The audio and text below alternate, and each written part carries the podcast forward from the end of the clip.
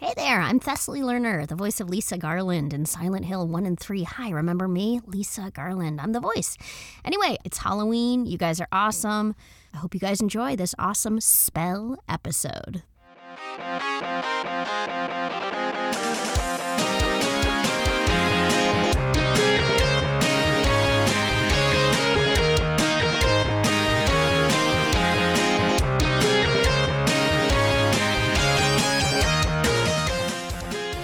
Hallais, og hjertelig velkommen til spill.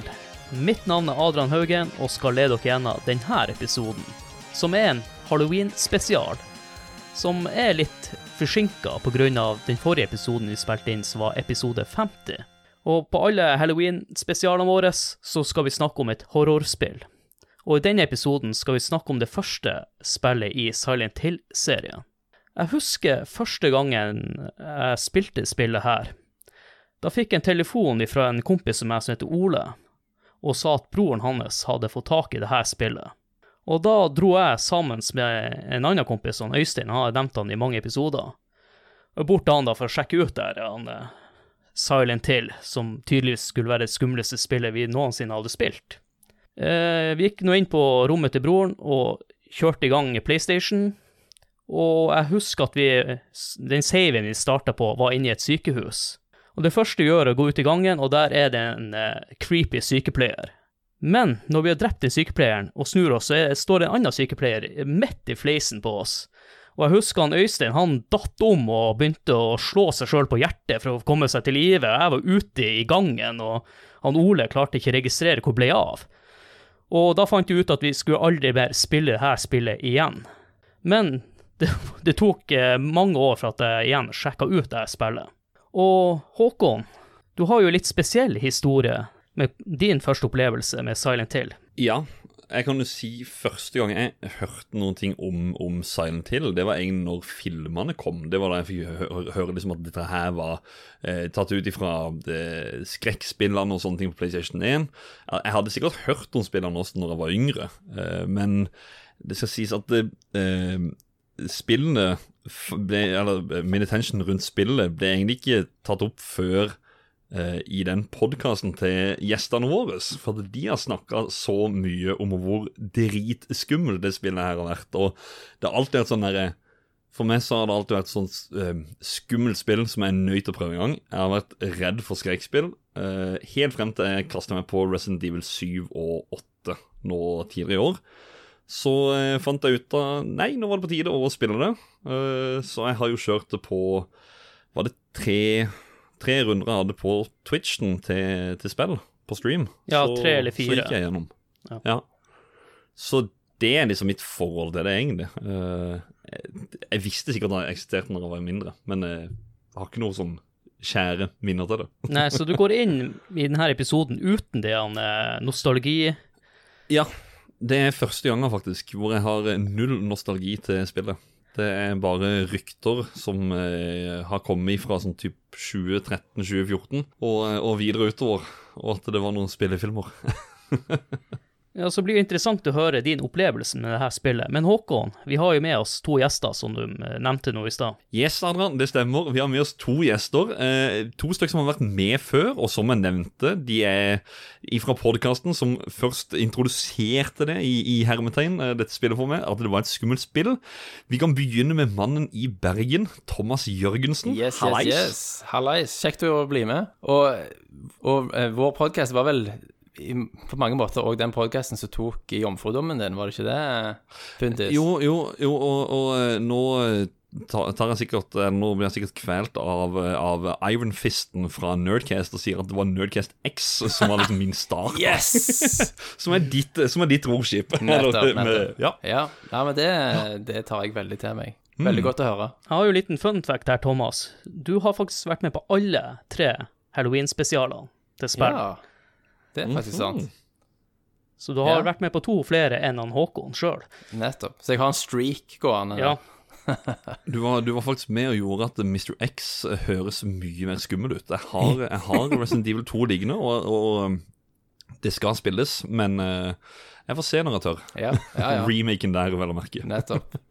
Herlig. Ja. Vi har jo med oss en til uh, gjest, Håkon. Litt lenger østover, innover mot hovedstaden i Oslo by, litt utafor nå, da. Der har vi en eh, Christer Runde. Hallais. Hei, hei. Så hyggelig jeg fikk være med på denne Halloween-spesialen. Ja. Velkommen tilbake også. Det var jo sist vi hadde en episode sammen. Det var Zelda Breath of the Wild. Stemmer det, det var veldig gøy.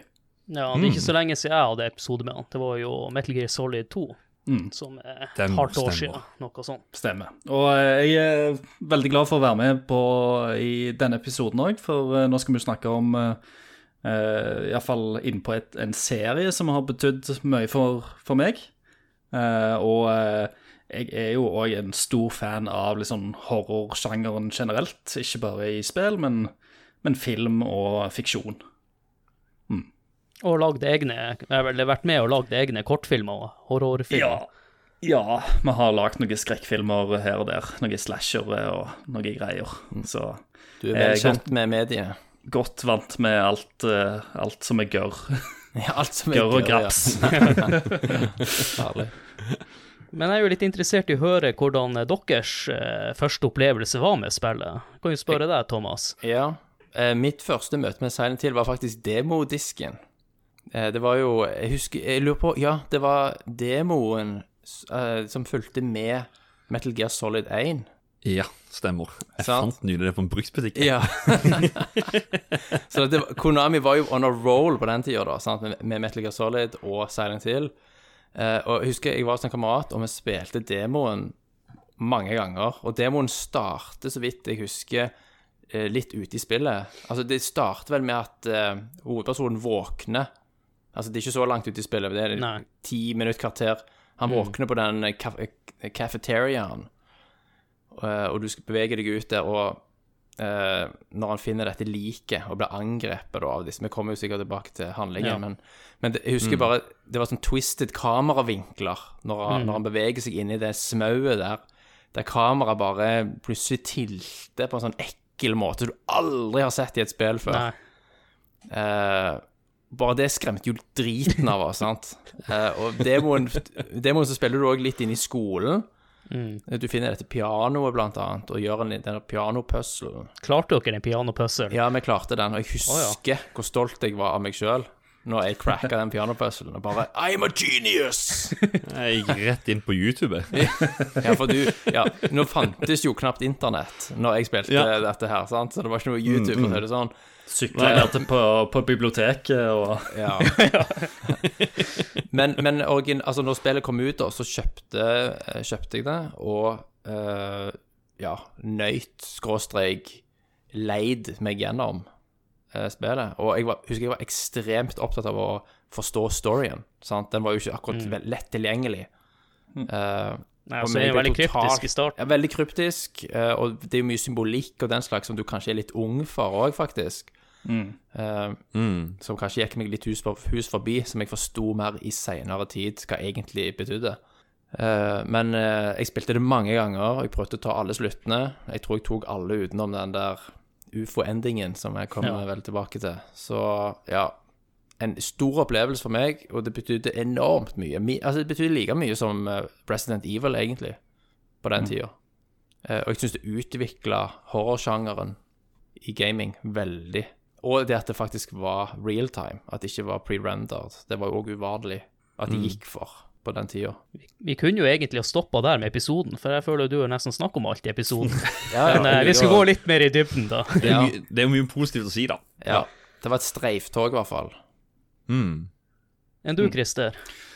Nei, jeg, jeg hadde nok en litt annen start enn Thomas. Jeg- For å, for å rette på det, så hadde jeg akkurat den samme starten som Thomas, men det er ikke den som har satt liksom, spor i hukommelsen min. For jeg òg husker Jeg har vage minner om denne, denne demoen. Eh, så jeg kjente jo på en måte til serien, og jeg har spilt den demoen, men jeg tror jeg ga meg ganske kjapt, for jeg ville spille Metal Gear isteden. um, og uh, fordi at jeg kjøpte mye sånn PlayStation-blader og fulgte med på, på ting som skjedde, så, så hadde jeg jo et forhold til serien. Jeg visste det fantes, uh, og, og hadde testa det, men det var ikke før Silent Hill 2 egentlig kom ut, eh, der jeg sto liksom på trappa på dag én og skulle ha Silent Hill 2. Eh, som gjorde at egentlig så spilte jeg gjennom oppfølgeren til dette spillet før jeg gikk tilbake igjen og gravde fram Silent Hill 1 og spilte gjennom det. Oh, ja. Så min, eh, mitt min første liksom, totalopplevelse med serien var Silent Hill 2, Um, som fenga meg noe ekstremt. Og jeg ville bare ha mer, da. Og da fantes det jo allerede et spill. Så da var det jo enkelt for meg å bare springe tilbake og kjøpe det og spille gjennom det, for å bare få enda mer.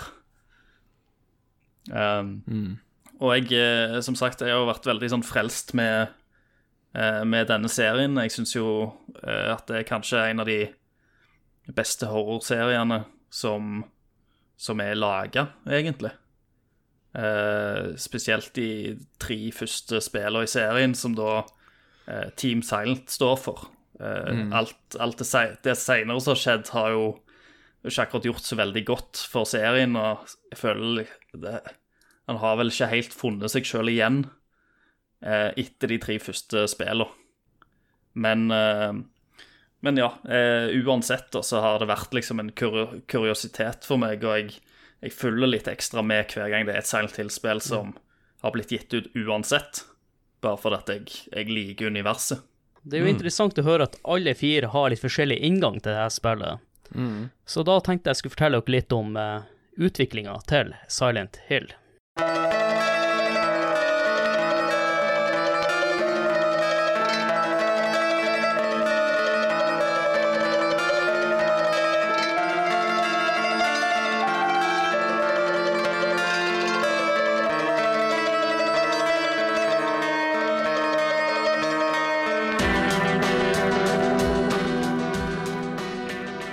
I 1996 så gjorde Capcom braksuksess med horrorspillet Resident Evil.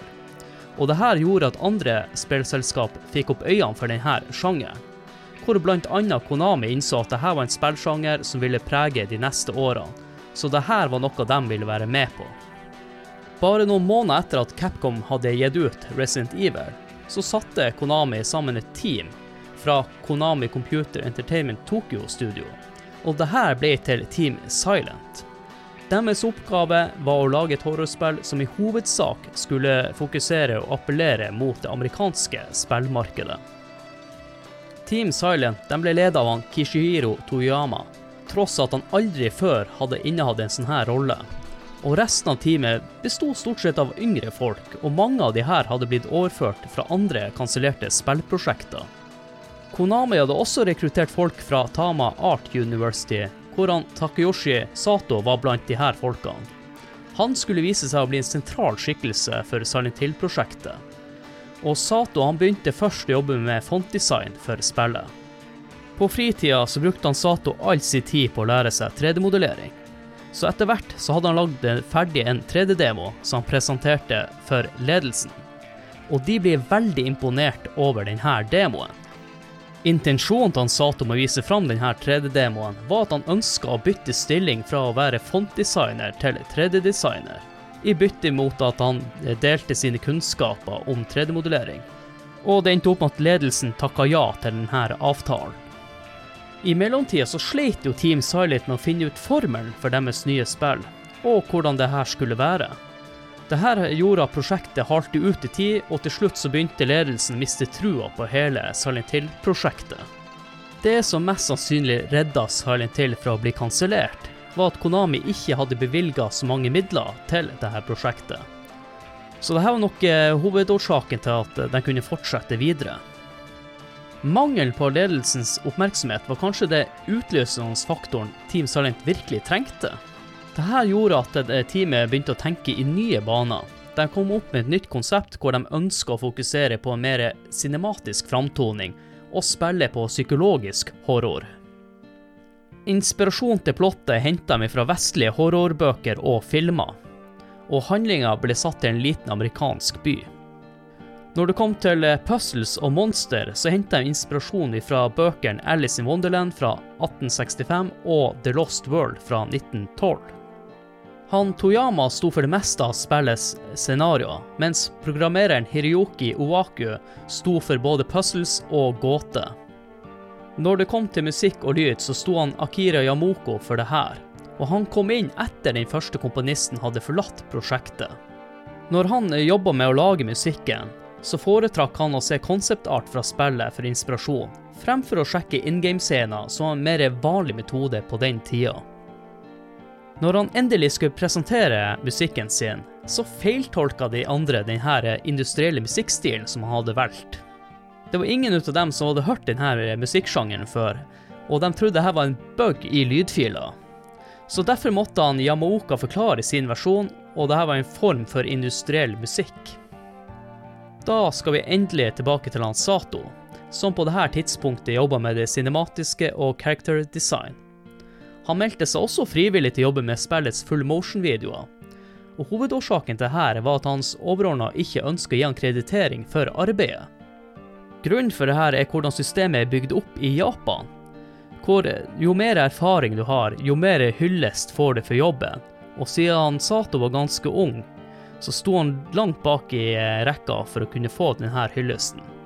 Så for å få denne hyllesten, så måtte han bare ta på seg enda mer arbeid. Han Sato har forklart i ettertid at konsekvensen av å ta på seg så her mange roller i prosjektet, bidro at han stort sett tilbrakte all sin tid inne på kontoret, i utviklingsperioden som varte i rundt to og et halvt år fra start til slutt. Den 31. januar 1999 så ble spillet først sluppet ut i Nord-Amerika, og der mottok det spillet gode kritikker. De fikk spesielt skryt for å dra nytte av vibrasjonseffekten til DualShock-kontrolleren. Og en liten funfact inni her er at spillet ble sluppet ut på samme dag som første episode av Family Guy gikk på lufta. Tre måneder etter den amerikanske releasen så ble spillet sluppet ut i Japan, og i Europa fikk vi spillet sju måneder senere, den 1. august 1999. Silent Hill var det første horrorspillet som var i full 3D i tredjepersonsformatet, og vi kan jo trygt si at dette baner vei for andre spill i denne sjangeren til å gå full 3D. Og da lurer jeg på, er det noe jeg fortalte dere nå som var nytt for dere, eller er det noe dere har lyst til å tilføye? Ja, jeg, jeg syns jo det er morsomt da at de eh, ville lage et veldig sånn eh, vestlig spill. For det at Silent Hill for meg har alltid vært egentlig veldig japansk. Eh, sikkert òg mye fordi at det er eh, vel, eh, den store fokusen på psykologisk horror eh, og det symbolikk eh, er veldig sånn klassisk fra både japansk film og andre japanske liksom medier. Eh, men når det er sagt, så er det jo, det er jo vestlige karakterer. eh, og det er jo Settingen er jo i Europa. Eh, men, men annet enn det, så føler jeg liksom at det, jeg, jeg, At de kanskje har bomma litt, da, egentlig. Ja, det, det er liksom Vesten sett gjennom Østen, sant? Ja, ja, ja. det blir liksom som Eh, i Resident Evil også. Ja, det gjør det. Men allikevel så er jeg jo veldig, veldig glad i, i den bommen der, for all del. Mm. Så, men det var, det var i hvert fall nytt for meg at eh, jeg, jeg antok at de skulle bare liksom eh, Selvfølgelig bruke vestlige karakter, karaktermodeller og sånt for å liksom eh, få spredd det ut fra Japan, men jeg tenkte liksom eh, temaene og verden og sånt tenkte jeg var liksom mer eh, at de, de eh, tok utgangspunkt fra egne røtter, liksom. Og egen kultur. Nei, det her var jo en slags inngangsbillett for dem, for de hadde jo ønska å komme seg inn i det amerikanske markedet, der mange japanske spillprodusenter slet lenge med å få inn sine spill til Ja. de vestlige. Fordi at eh, Resident Evil sine liksom referanser er mye tydeligere, da. sant? Det er litt sånne B-horror- og actionfilmer, sant. Mens, eh, mens Silent Hill, eh, ja, de referansene der er litt, eh, de er litt vagere, kanskje. Um, de, har jo, de trekker jo òg mye sånn der psykologi psykologien, Altså det er jo mye sånn Carl Jung og arketyper, og du kan jo liksom Når du begynner liksom å analysere det, eh, så er det jo my, mye som stammer derfra òg. Absolutt. Det jeg syns var morsomt, det er jo at de misforsto musikken. Mm. At de trodde det var en eh, bug først, når de skulle sjekke ut lydsporet. Og det er jo musikken som gjør eh, spillet litt spesielt for min del, og måten de bruker lydbildet på. Mm. Det er jo ekstremt effektivt, den der industrielle sounden. Ja. Eh, og det, klangen i det, liksom, det, det, det bygger jo og Det forsterker jo det ubehaget når du bare liksom går rundt omkring i disse herne tomme gangene og Du får sånn hul klang Ja. sant, som eh, underbygger liksom angsten og frykten. Absolutt. En Så- annen ting ja. Ja. Nei, jeg, jeg, jeg skulle bare si så, så at eh, eh, jeg, er, jeg er igjen veldig glad for at de, de lander der, da. For det er liksom Musikken er, er kanskje det, det er et av de sterkeste virkemidlene det spillet har òg. Og det er òg så utrolig med på å eh, gi spillet det unike preget som det har òg, da. Det jeg også syns er spesielt, som kanskje ikke eh, gikk så mye inn på, da, det er jo at de fleste som jobber for Team Silent, holdt jo også på å få sparken. Eh, Konami er jo, eller var i hvert fall, veldig brutal. Men hvis du ikke lagde suksess, så ble du fikk du jobbe med mindre prosjekter. Og så er det litt spesielt med tanke på det lave budsjettet de hadde, hva de fikk til. For du, du sitter jo ikke med inntrykk at det her er et sånn lavbudsjettspill. Nei. Nei, jeg, egentlig ikke. Ikke fra den æraen, egentlig. Og det er relativt langt òg. Det er mange lokasjoner, så det er mye art som skal være lagd. Og, og bra eh, CG-videoer. Ja, det var jo veldig bra CG. Jeg brukte jo blant annet det, det spillet til å vise far min, blant annet. Se, se! Så, CG. Se på pikslene! Ja, ja, Det, altså, det blir ikke mer enn det her. og realtime kommer aldri til å bli så bra. Det er jo fotorealistisk, Det er mann. fotorealistisk. Herregud. Jeg så introen igjen, da, og bare, jeg, jeg innser jo at det er jo ikke engang motion capture. Sant? Nei. Det er så simpelt. Men Ja, jeg, men ja. jeg syns det så bedre ut enn det jeg hadde sett for meg. Når jeg så igjen det han Det, det er ikke CG-videoen. verst. Men det, var, det er ikke sånn Det er ikke Final Fantasy 8 CG-kvalitet på det. Nei. Men for, for meg så var det ukjent det der med den krediteringen, selv om det slår meg som veldig typisk japansk. Det òg. Mm. Så jeg kan jobbe rød av deg, men hvis det er en senior-dude som går foran deg, så tar han all æren. sant? Ja. Kjempemotivasjon til å jobbe på. Det er jo litt spesiell den arbeidskulturen der borte. Ja, så tenker jeg også det er veldig spesielt med den kulturen også når du jobber kreativt. Sant? Du skal stimulere kreativitet. Mm. Og så har du sånne forhold da, som bare virker helt mot all kreativ flyt, sant? Men, men jeg vil tro da at liksom, i og med at det, dette blir liksom nesten sånn Det er indie-avdelingen til Konami Ja, som er ja. liksom gjemt vekk, som er De har kasta penger på noe som de egentlig har glemt litt vekk. Ja. Og så plutselig, da, så da, da får de da lov til å være gjerne litt mer kreative, uten at liksom eh, sjefen med Ja. pengesetten står og glaner, da. Stemmer. Eh, stik inne på det rommet, da, så koker de faktisk og lager noe gull. Ja. Noe som blir noe helt fantastisk. Som Ja. folk prater om den dag i dag. Folk Faktisk, har jo lyst. Vi har en Eh, podkast folk i Norge jo- Folk i hater jo Konami for at de ikke eh, gir ut Silent Hills, for eksempel, nå. Ja, ja, stemmer det. Stemmer. Altså, Konami for meg, det er jo bare sånn bare, Når vi snakker om firmaet, så er jeg jo jeg mer på det som beat em up-sjangeren, arcade, eh, Turtles in Time, alt dette her. Det er liksom horrorsjangeren. Jeg har jo ikke noe forhold til Metal Gear Solid heller, for jeg var jo ikke en PlayStation 1-fyr. Jeg har jo, som tidligere nevnt i andre episoder, det var liksom Nintendo 64 som var den store eh, i, i Ja. gata vår, da, så hadde noen PlayStation 1 med Tony Hawk, da. Ja, ja. Det skilte seg ut, men alt annet var liksom Det N64. var Nintendo 64. Ja. Men jeg, jeg, jeg, var, jeg var litt sånn øhm, Fordi du sa jo dette her med De fikk skryt for øh, nytten av vibrasjonseffekten til DualShock-kontrolleren. Det skal jo sies at når jeg spilte dette her nå Jeg eier det jo originalt, så da tok jeg meg den, den frihet til å så kjøre det på en emulator. Uh, er det veldig mye sånn Den rumblen, har den mye å si i kontrolleren, egentlig? Jeg tror ikke Hvis du hadde spilt det med kontrolleren, så tror jeg ikke du tenkte over det. Men det var mye nyere på den tida, så da med Ja, en ja, gang det bare rista litt, så ble man jo helt hyped. ja. Liksom jo, du, DualSense-kontrollene til PlayStation nå, da. Sant? Den òg fikk jo jævlig mye hype nå når den kom ut. Det var den jeg brukte. ja, så etter hvert som tida går, så kommer vi til å bare liksom glemme det mer og mer ut. Ja. Og så blir det Ja. bare en ting som Ja. du holder. En gimmick. Man tar det for Ja. gitt. Ja. Så teknologien blir bedre, men du, du glemmer, litt, glemmer litt ut. Den har ikke den, nødvendigvis den samme effekten lenger som man har når det er nytt. For da er det jo òg litt spennende, og du er veldig mye mer bevisst på det.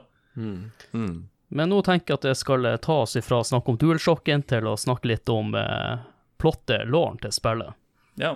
Eh, Spillets handling det foregår i byen Silent Hill, med tanke på navnet. I starten, eller det har jo hele tida vært en stille by. Men for sju år siden så oppsto det en brann i byen. Hvor det er antatt at ei jente med navnet Alessa Gillespie omkom i denne brannen. Og etter eh, hennes antatte død, så har det oppstått mange creepy hendelser i byen. Eh, det er en kort beskrivelse av eh, Silent Hill, da. Vi følger han Harry Mason, aka Pappa Harry. Det er en referanse til faderen som var med i en episode, og datteren Cheryl. De er på vei til Silent Hill for å komme seg bort ifra hverdagen. Og årsaken til det her er at han, eh, Harry har slitt lenge med depresjon etter dødsfallet av sin kone, og tenker at denne ferien eh, skal, eh, er noe både han og dattera trenger for å komme tilbake til hverdagen. Og på vei inn til byen kjører han på en liten sånn fjellvei, og plutselig oppdager han Harry at det er en jente foran han, og svinger av veien. Og det her ender jo opp med at han eh, krasjer. Og når han våkner igjen etter å ha vært bevisstløs, så er dattera borte. Så det her legger premisset for eh, spillet. Er jo at han, vi spiller han Harry, og han er på jakt etter å finne dattera si. Og, og i en eh, omgivelser som eh, ikke er så hyggelig i det hele tatt. Og så vil jeg slenge på en liten fun fact her, er jo at Cheryl faktisk opptatt, nei, oppkalt etter Cheryl Lee, som var en karakter fra serien Twin Peaks. Så mm. de er veldig glad i å Eller de har bare brukt vestlige referanser i det spillet her, på en eller annen måte. Ja. Vi har jo snakka litt om eh, CG-introen og det, men uh, Silent Hill det spilte jo på litt andre mekanikker enn f.eks. Resident Evil. Og det er jo at spillet foregår i full 3D. Mm. Hva dere tenker om den avgjørelsen? Jeg var skeptisk, husker jeg, eh, når jeg leste om det i PlayStation Magazine og sånn. De pakker det jo veldig elegant inn i, i fogging, sant? Altså, PlayStation 1 er jo en relativt uh, begrensa maskin. Uh, sånn at han, det begrenser hvor mye han klarer å tegne opp på en gang, uten at du får voldsomme frame drops. Så da har du jo en in game forklaring på Altså en in game måte å skjule dette på, ved å fylle opp skjermen med mye tåke. Men sånn, vet, du Som har en storyforklaring. ja, men vet du hvorfor den, den oppsto, den tåka? For den var ikke med helt i starten. Ja. De, de fikk eh, tilbakemeldinger på at eh, Fra testere at det var eh, Ja, at det loada for tregt, Mm, og rendringa var for dårlig. nettopp. De så hadde lavere, de hadde sikkert lavere polygon-count på karaktermodellene Ja, først. Sånn at eh, effekten ble ikke så bra, så de måtte prøve å kompensere på en måte, og Ja. litt sånn hell i uhell, da, så ble det jo en effekt som eh, definerte Ja, det er jo en trademark. Ja, sant, for Silent Hill. Samtidig det som det er en smart gimmick for å skjule ja. Tekniske og- begrensninger. tekniske begrensninger. sant? Og det er, det er litt spesielt med det spillet, fordi at det, det minner jo på mange måter på som GTA 3, bare at det er før GTA 3 på en eldre eh, konsoll, Ja, som jeg syns er ganske imponerende. stemmer. En annen fordel er jo at du slipper jo den eh, Noe av det som jo kunne gjøre Resident Evil frustrerende, var jo at du ikke kunne se hva som var rundt et hjørne, før du gikk Ja. rundt det hjørnet, og så videre. Her kunne du manipulere kameraet på en mye mer fri måte, sant? Selvfølgelig ofrer du jo enormt på grafikksiden eh, med tanke på at pre-rendered var jo liksom tusen ganger bedre statisk, statisk grafikk enn realtime. Men allikevel så syns jeg det har et, et artistisk uttrykk som var veldig unikt, og som utnytta maskinen med sine begrensninger til det ytterste. Er det ikke sånn at eh, det er noen kameravinkler som på en måte er eh, litt satt òg, når du spiller gjennom det? Jo, det, det var jo blant annet den scenen med den, med den tiltekamera. Så er kamera ja. kan du ikke bevege Du kan kun bevege karakteren, og så beveger kameraet seg ut ifra hvor du er på skjermen, ja. Så det var nær- nærmest som et eh, CCTV-kamera. Ja.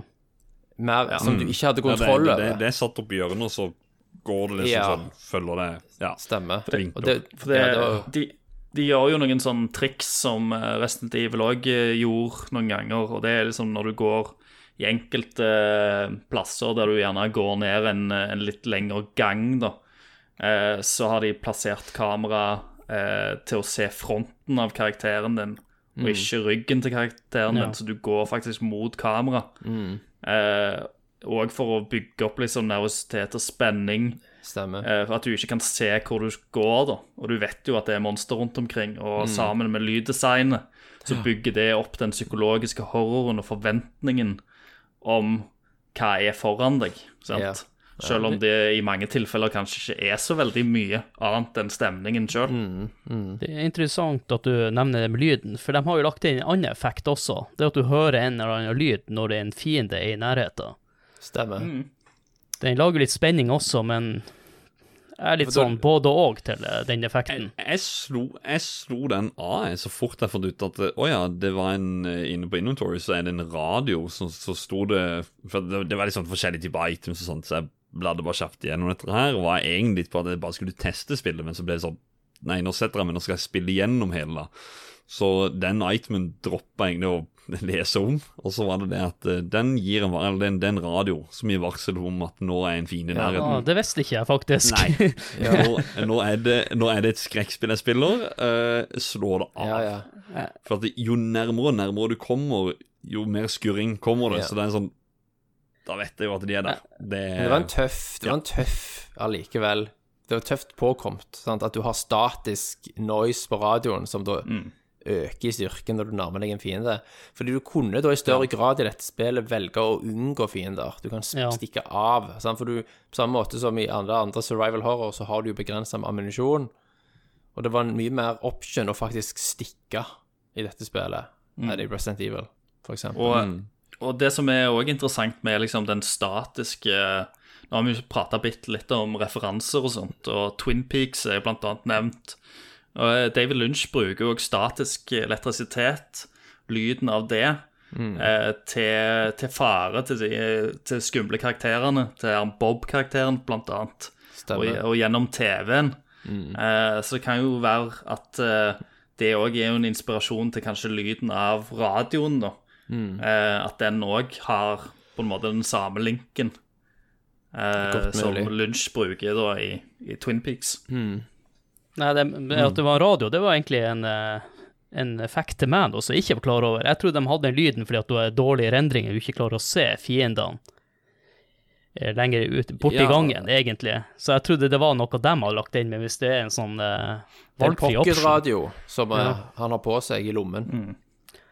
Ja, som tidligere nevnt, så var det det at jeg emulerte det, så da tenkte jeg jo sånn Er det egentlig bare noe galt med romfiler? Må jeg koble til PlayStation 2 og spille det gjennom der? Eller, eller er det noe hva, hva, hva skjer for noe med lyden? Han er jo helt sånn skurrete. Ja, ja nettopp. Og det, det, er også, det er jo ikke akkurat en behagelig lyd å høre på. Sant? Så dette er jo òg noe som liksom en kjenner når en spiller disse spillene. Det har jo en viss effekt, så når du skrur den av, så slipper du jo den. Eh, og ehm, noe av eh, eh, liksom horroren min òg, når jeg spilte, spilte disse spillene første gang, var liksom Du går gjennom noen sånn apartments eller noen skole og noen ganger og sykehus og greier. Så når, når du går liksom ut i disse gangene, da, sant, så begynner radioen bare sant, Går helt crazy, og jeg bare sånn Å, shit, det er noen her. Men jeg vet faen ikke hvor de er. Er de liksom Er de bak meg? sant? På grunn av kameraet er plassert der det er. Eh, så, så da begynner liksom pulsen min å stige. Så jeg, jeg følte Og den Jeg tror hvis jeg hadde skrudd av Hvis jeg hadde skrudd av radioen, så hadde jeg gjerne Jeg hadde fått en, en annen type skrekk. Da det hadde vært mer sånn jump scares hvis jeg plutselig hadde bare sprunget borti noen. Det hadde vært sånn Å, helvete! sant? Eh, men, men, mens nå, nå gikk jeg veldig sånn der Hvor er de? Jeg, eller jeg vet de er her, men, Ja. Men jeg vet ikke nøyaktig ikke hvor. hvor. Nei. Og det er på en måte det skumle, da. Jeg tenker vi må jo prate litt om de områdene vi er i spillet. Og de, de områdene vi er i, det er i selve byen, men også i eh, Nightmare-utgaven av de områdene. Men først vil jeg nevne noen effekter facts som jeg har funnet her. Alle gatene i, det her, eh, i denne byen er oppkalt etter forfattere som har skrevet horrorbøker. Og butikker har brandnavn som parodier på virkelige navn, som eksempel Queen Burger i stedet for Burger King. Og byen inneholder også en haug med filmreferanser hentet fra The Shining, Exorcisten og Die Hard, ut av alle ting. Die Hard, liksom. Yes. Vi kan jo bare begynne å snakke litt om uh, I starten, da. Thomas, du nevnte at man våkner opp i en diner Mm. Etter du har blitt drept av noen små eh, Vesener. Ja. Så allerede der så er jeg litt usikker på hva i all verden er det som foregår. Eh, ja, og eh, det var liksom noe av det som òg tok meg sånn inn i den verden. Det var den der twisted logikken, eller mangel på logikken, Mm. eh, som var rundt hver eneste sving. Eh, og dette med at det, det er en sånn todelt virkelighet, sant? at du har den dag, dagversjonen full av tåke, og så har du den marerittversjonen av byen. Ja. Og hva er ekte? Er begge deler ekte? Er, er det noe av dette som bare er en drøm? Er det en fantasi? Hva er det for noe? Hva er det som skjer? Det var for meg bare en sånn mindbender som holdt deg gående. Du ville liksom ha vite hva er det på liksom- neste sving. Ja. Du lurer jo litt på om han bare ligger Er han liksom i skjærsilden, og har han daua i bilkrasjet i starten, liksom? Litt sånn lost. Sant? Ja. Og følelsen av Ja. at, uh, at ting er ikke helt sånn som de skal, er meint å være. Alt er litt sånn off. ja. Uh, Uten at du kan sette fingeren på det, da, sånn i starten i hvert fall. ja. Og så er det jo en spiral som bare ja, drar deg dypere og dypere, og byen og omgivelsene òg blir mer twisted etter hvert som du liksom nærmer deg og målet, da. Ja. Men, i- men i starten så er det jo typisk eh, horrorspill. Han møter jo på hun Sibyl Bennett, Ja. som er Ja. fra eh, nabobyen Brams, som er Brams Stoker. Mm. Og uh, hun forteller jo at eh, det ting ikke stemmer, og hun skal lete eller få tak i forsterkninger, og gir deg pistolen ut av alle ting. En vanlig sivil dude. Lar Ja, ja. alene. Politidama bare gir deg en gun. Ja. liksom. Her, ta den, og Ja. å overleve. Og så starter jo action med en gang, med å komme inn i sånne her flygøgle, og du begynner er bare å litt sånn vampyraktig eh, øgle. Ja. Ja. Mm. Men det jeg ikke husker, eh, vet man hvordan retning man skal springe etterpå når du kommer ut ifra den dineren? Det står vel markert på kart. Nei, altså, eh, han ser jo eh, dattera si, liksom, Mm. når han Ja, kommer stemmer. ut. Eller, eller ei som han tror er dattera, som han følger etter. Ja, så mister hun den boka, ikke sånn, og Ja. så vet du at du skal til skolen. Stemmer. Så du blir jo Du får jo hele veien sånne pekepinn på hvor du skal gå hen. Ja. Ja. Mm. Det er Sånn open world. Jeg må bare Nei. nevne den skolen. Ja. Den skolen er faktisk basert på skolen fra filmen The Kindergarten Cop, med han Arnold Schwarzenegger, av alle ting. Den er måte Den er jo skummel, den, i all sin grusomhet. Og så får vi Arnold som går rundt i gangene. Ja, Hello, everyone! Ja. Som en slags Mr. X hadde jo vært Ja. litt kult, da. Ah, fytti grisen, jeg vet du hva. Orker det ikke. Men da, da syns jeg det var skumlere det de, det de fant ut de kom til å gjøre med den skolen, da.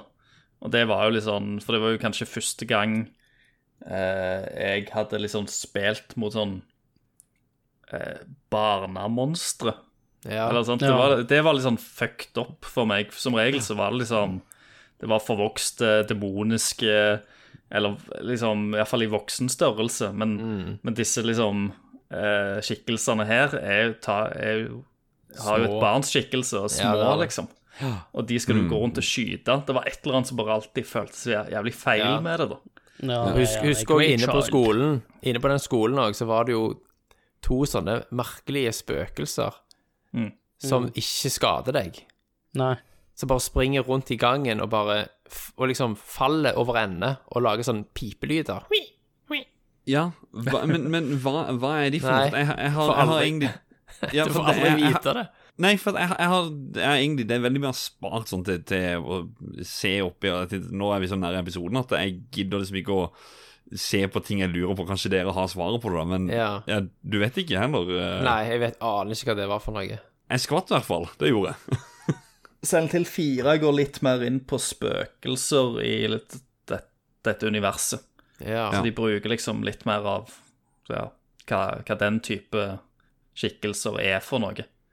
Så da må du lese litt på den loven. Jeg husker ikke i farta. Kult.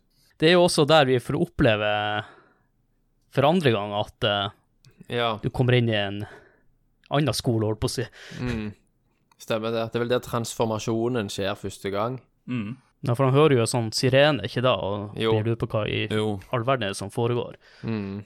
Og det er jo òg noe som vi har da fått Den transformasjonen har vi jo sett tydeligere i ettertid gjennom film og, og senere spill og sånt, fordi at dette var, var jo PS1-grafikken, sant, Ja. så når det, går, når det går fra det ene til det andre, så Det er jo noe det er som ikke- skjer, men det er ja. ikke Det, det er ikke ikke liksom det. Det er off Nei. camera. sant? Han besvimer og Ja. i den nye virkeligheten. Stemmer. Du tenker deg med en Silent Hills, for eksempel, hvor fett de kunne ha gjort en sånn effekt. Absolutt. da. Ja. Mm, mm. Men uh, den klarer jo å få det skikkelig creepy bare i den uh, skal vi si lyse og mørke verden. Litt lettere å uh, Ja. Jeg syns det bare er creepy i seg sjøl, og så kommer man til en der alt er netting og gjerder. Og rust. Ja. Rust, ja. Og så etter du har vært der, så får du vel hint om at du skal inn til den lille kirka eller noe sånt. Mm. Der du møter hun eh, Gillespie. Dahlia. Ja, hun Dahlia, ja. Som eh, virker som ei Ja, med det første inntrykket er sånn crazy og bare eh, bable bambus og Ja da. Litt sånn eh, religiøs fanatiker eh, Ja. på tur. Stemmer. Eller sånn lestatianer eller Ja. Smiths venner. Ja. På speed. Ja, og hun Ja, er det ikke hun som får deg til å At du skal stikke bort til sykehuset? Som jeg fant ut at uh, her kan jeg ikke spille spillet lenger. Ja, Det er for skummelt. Det er alltid et bra tegn når du må til et sykehus i et skrekkspill. Ja. Jeg vet hva. Fysj. Det Det, er det, kongen. det, ja, for der, der er liksom Det var sykehus og, og, og Altså, jeg jeg er sånn barnes, altså sånn barn og spøkelser, det er noe av det verste jeg vet. Det sånn Ja, ja. Barnelyd, og da har du allerede vært på en skole, og så Nei, nå skal du bare på et sykehus. ja. Takk skal du ha. Og, det, og, det, og, det, og der sitter jeg nå 30 år gammel og, spiller PlayStation 1-spill og kjenner faktisk at jeg blir sånn herre nei. Nei. Dette er ikke greit. 400 polygoner, og du er likevel redd. Og ha, og har sound alert faktisk på, på Twitchen, hvor jeg har spilt inn en liten Altså Max Mekker, og blir skremt sjøl av løperen på det sykehuset. Så det Ja, det er good times.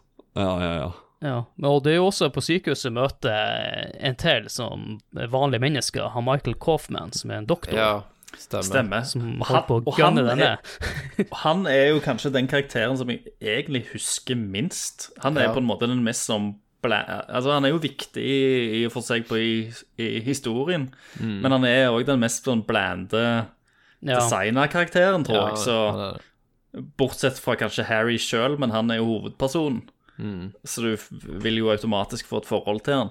Ja. Mm. Ja, han gir ikke så mye inntrykk av seg heller i spillet, for kanskje Nei. på slutten at han kanskje skjønner litt mer av det som foregår enn han Harry gjør på det tidspunktet du møter han. Mm. mitt inntrykk var alltid òg at de menneskene han møter, ser ikke nødvendigvis de samme tingene Nei. som Harry ser. At det er et personlig mareritt, et personlig skjærsild. Ja, og det utforsker jo mye dypere i oppfølgeren, Ja. Eh, men det, det er litt sånn vagt hinta til i det første spillet òg. Ja, stemmer. Det er det, men ikke så tydelig, da. Men eh, inne på sykehuset så møter du faktisk en annen person i den andre, i, nar- i marerittverden, hun eh, Lisa Garland, hun som Yes. introduserte episoden da. Yes. Stemmer. Crusha jo litt på hun da. Ja, søt, sykepleier. I hvert fall til å begynne med, kanskje ikke på slutten. Nei, Nei. Eller det var da han Thomas crusha på, på var slutten. da jeg crusha. Ja, ja. You are the one. Yes. Så det, det syns jeg også var interessant. Eh, Hvorfor møter du et menneske i denne versjonen av sykehuset? Det er Da jeg også begynte å tenke litt. Hva er det i all verden er som foregår når hun er her? og du plutselig detter om og våkner opp andre plasser, og jeg syns det Det var kanskje rundt eh, sykehusområdet at spillet begynner å bli litt mer interessant i historien, at du skjønner at her er det faktisk ikke noe som henger på greip. Ja. Mm. Og så etter sykehuset så er du vel nede i eh, kloakken der og roter litt. Det stemmer, du måtte gjennom den jævla kloakken, ja. ja rett i en kloakk. ja. De kommer slengt ned fra taket og rundt Ja. forbi. Ja, altså Er det, Ja. det, for det er der du tar knekken på den der ene svære øglebossen, er det ikke det? Jo, Ja. Den med den sånn svær munn. Ja, svær Ja. munn som deler Ja. seg opp. Ja, stemmer. Tror jeg daua noen ganger på den, faktisk. Ja. Han tar vel bare skade hvis du skyter han i gapet, når han Ja. gaper opp. Ja, han minner egentlig litt om en sånn Half-Life-karakter. Ja. Sånn Half-Life-monster. Og så nå må jeg prøve å, å riktig Neste var at du skulle vel til eh, Silent Hill Resort Area. ja, det stemmer det. Du skal til den eh, resorten. Silent Ja. Hill eh, hotellkjede. Ja, så er du vel også innom et kjøpesenter uh, Mm. der.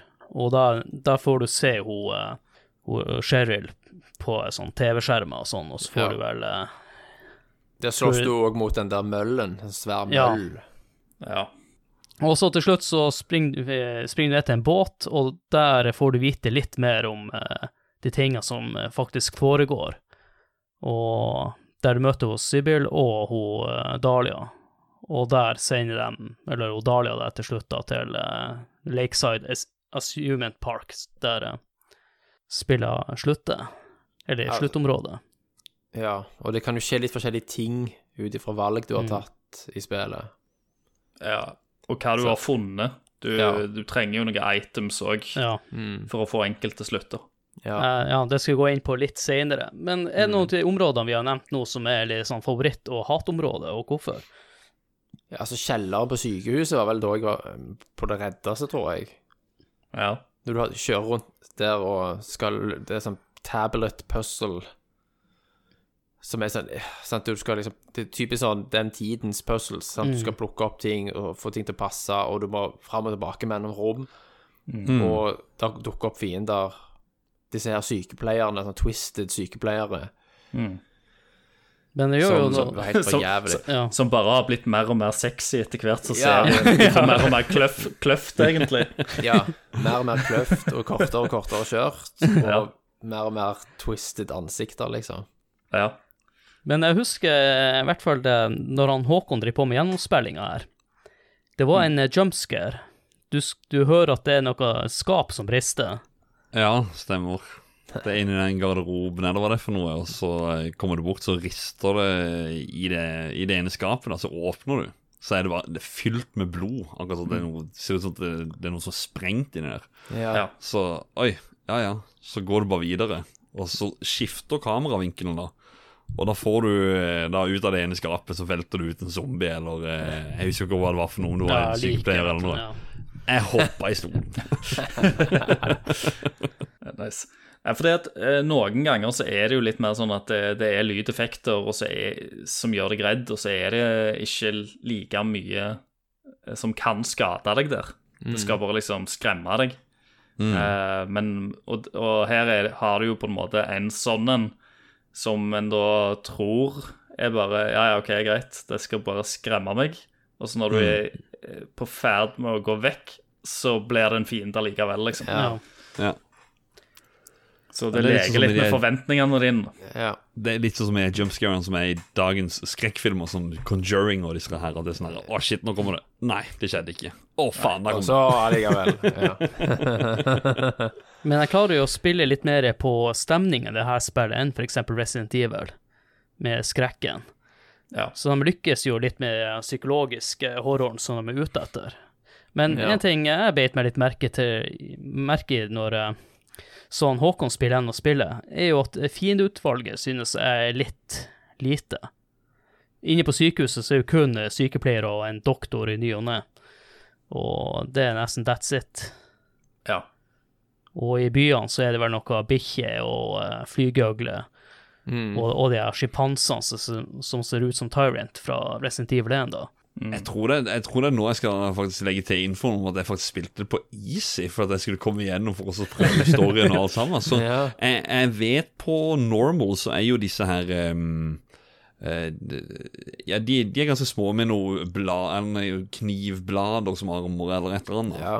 Ja. De er jo rundt forbi på blant annet skolen. De er bytta ut med noen andre fiender. Så, så det okay. er noen mindre fiender. Så når du har sett meg spille det nå, så er det kanskje litt mindre fiender enn det det egentlig er.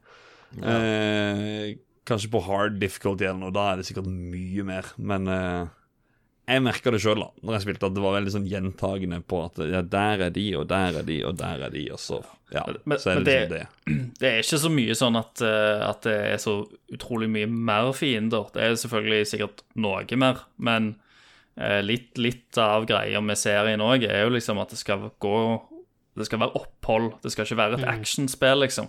Det skal være et spenningsspill. Så det skal gå litt tid mellom hver gang du møter på en, eh, en fiende, da. Mm. Med mindre du da spri eh, Hvis du eh, hopper over Hvis du ikke dreper noen som du da kan, så vil de jo være der eh, nokså ofte i disse forskjellige bygningene. Da må du jo deale med dem med å springe forbi dem eller dodge dem eller komme deg vekk. Og det òg er jo sånn Når du springer forbi. Ja. Det er akkurat smerte men- men jeg sy- det. Men jeg, sy jeg syns det er litt for lett opp på en måte. Det var det, var det skuffa meg bitte grann. Men så det var derfor jeg Og så sitter du og spiller på easy, og så klager du på at det var for lett. Ja, ja, ja, ja, ja, vanskelighetsgraden, da. ja, ja.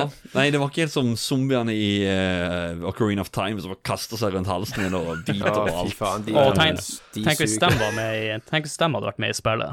Ja, da hadde jeg slått av. Men jeg, jeg, jeg må ta opp det der um, den, den ene puzzlen som var på uh, Hvis det er greit nå. Med mindre Ja da, ja da, bare ta det nå, så. Uh, det, er den, det er vel den første puzzlen du kommer til. Den klokka som er ute i, i skolegården, som er midt i der. Så er det en uh, klokke som du kan gå til. Så kan du se at eh, OK, nå er klokka ti. Så kan du gå inn i resepsjonen til skolen. Der ligger det sånn Du ser det ligger blod overalt, og så ligger det noen lapper der med masse blod på og sånt. Så kan du se hva det står for noe her. Så klokka ti, da er det eh, det, altså, det baserer seg på det du skal gjøre, er, og itemen du skal hente, er ut ifra hva klokka er. Så klokka ti så er det for eksempel eh, Ja, nå husker jeg ikke noen ting av, av, av disse her eh, tingene som står der, men si um, The gold in his hand eh, Eller uh, The gold in the hand of the professor, eller et eller annet. In the laboratory. Så kan du gå inn på kartet, så ser du at eh, OK, laboratory. Så kommer du opp der, og der finner du en avkappa hånd med en sånn item oppi. Så må du finne en annen ting igjen for å solve den puzzlen. Så når du får tak i den, så legger du den itemen fra deg ute i eh, skolegården. Og så ser du på klokka igjen. Da er den 11. Da skal du inn og gjøre det klokka 11-missionet, da. Sånn at det, Ja. det er veldig sånn fordelt opp, og det det var det som gjorde litt sånn eh, Helt i starten for meg så var det mye sånn Altså løpe rundt i den tåka, og det kom fiender, så var det sånn Er dette det, på en måte? Så kjente jeg der Oi, nå kan ikke jeg gå og legge meg med det første. Nå, nå, nå må jeg spille videre her. Det, Ja. Dette her er spennende. Og så er det jo alle skrekkscenarioene oppi der med løpe inn i klasserom og høre Ja. barnelatter og Faen, jeg får frysninger nå. Jeg tenker Vi må jo snakke litt om det du ikke var opptatt av, Håkon. For vi, jo, vi ser jo på spillet på litt annen måte. Jeg har litt lyst til å snakke litt om eh, hvordan de forteller historier i spillet. Storytellinga i spillet. Den var ikke du så interessert i, men jeg syns jo det er det som litt sånn gjør spillet eh, Det er det jeg liker med horrespill, det er jo det mystiske, prøve å finne ut hva er det som foregår, og den biten, mens du virker som mer opptatt av gameplay og blir skremt. Ja, fordi at jeg hadde nylig spilt Resident Evil 7, så jeg holdt jo på å daue gang på gang. Så det, da tenkte jeg nå skal vi bare se back to the roots og eh, Men hva dere synes eh, som historien? Klarer dem å sk skape en interesse og spenning? det, det er jo en veldig naturlig og eh, veldig Så lenge du har det ene elementet i bånn som er drittydelig fra liksom poengstarten eh, Du er en far som mista dattera di, du skal finne dattera di, sant? Eh, og du springer rundt og, og leter etter henne. Det er liksom hovedmålet ditt da, i spillet. Og det er liksom det det er såpass tydelig at det holder, holder fast i deg gjennom spillet, og det tillater òg at veldig mye annet kan være liksom rart og annerledes, så du trenger ikke nødvendigvis å forstå det, og du kan møte på mye rare ting, da. Eh, men så lenge målet ditt hele tida er så krystallklart som det der, så tror jeg liksom at det funker bra, da. Eh, Sjøl om du liksom kanskje ikke eh, vi, sp eh, vi spilte det kanskje litt for unge, da. At vi skjønte ikke Klarte ikke helt å analysere og tolke alt første gangen en spilte, spilte spillet. Men det var bare stemningsfullt og rart. Eh, og så får du jo en viss sånn wrap-up på slutten. En skjønner jo agendaen til disse folka og personene til slutt.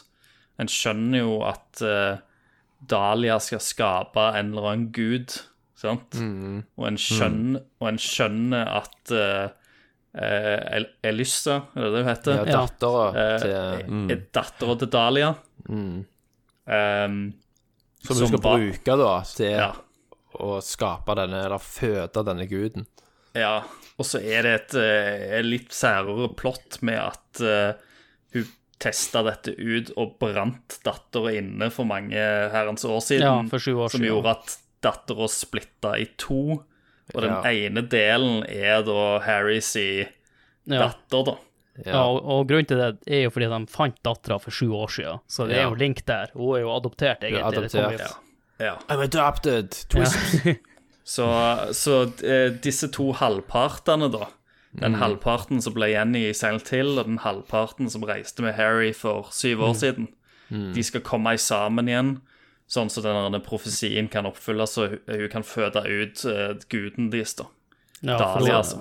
Ja, for hun ene tilhører den eh, nightmare-verden, og andre tilhører den, den vanlige verden, Ja. som jeg og skjønner det- det. Og dette er jo òg veldig sånn den uh, Har røtter i psykologi, tilbake til Carl Jung, som jeg nevnte tidligere.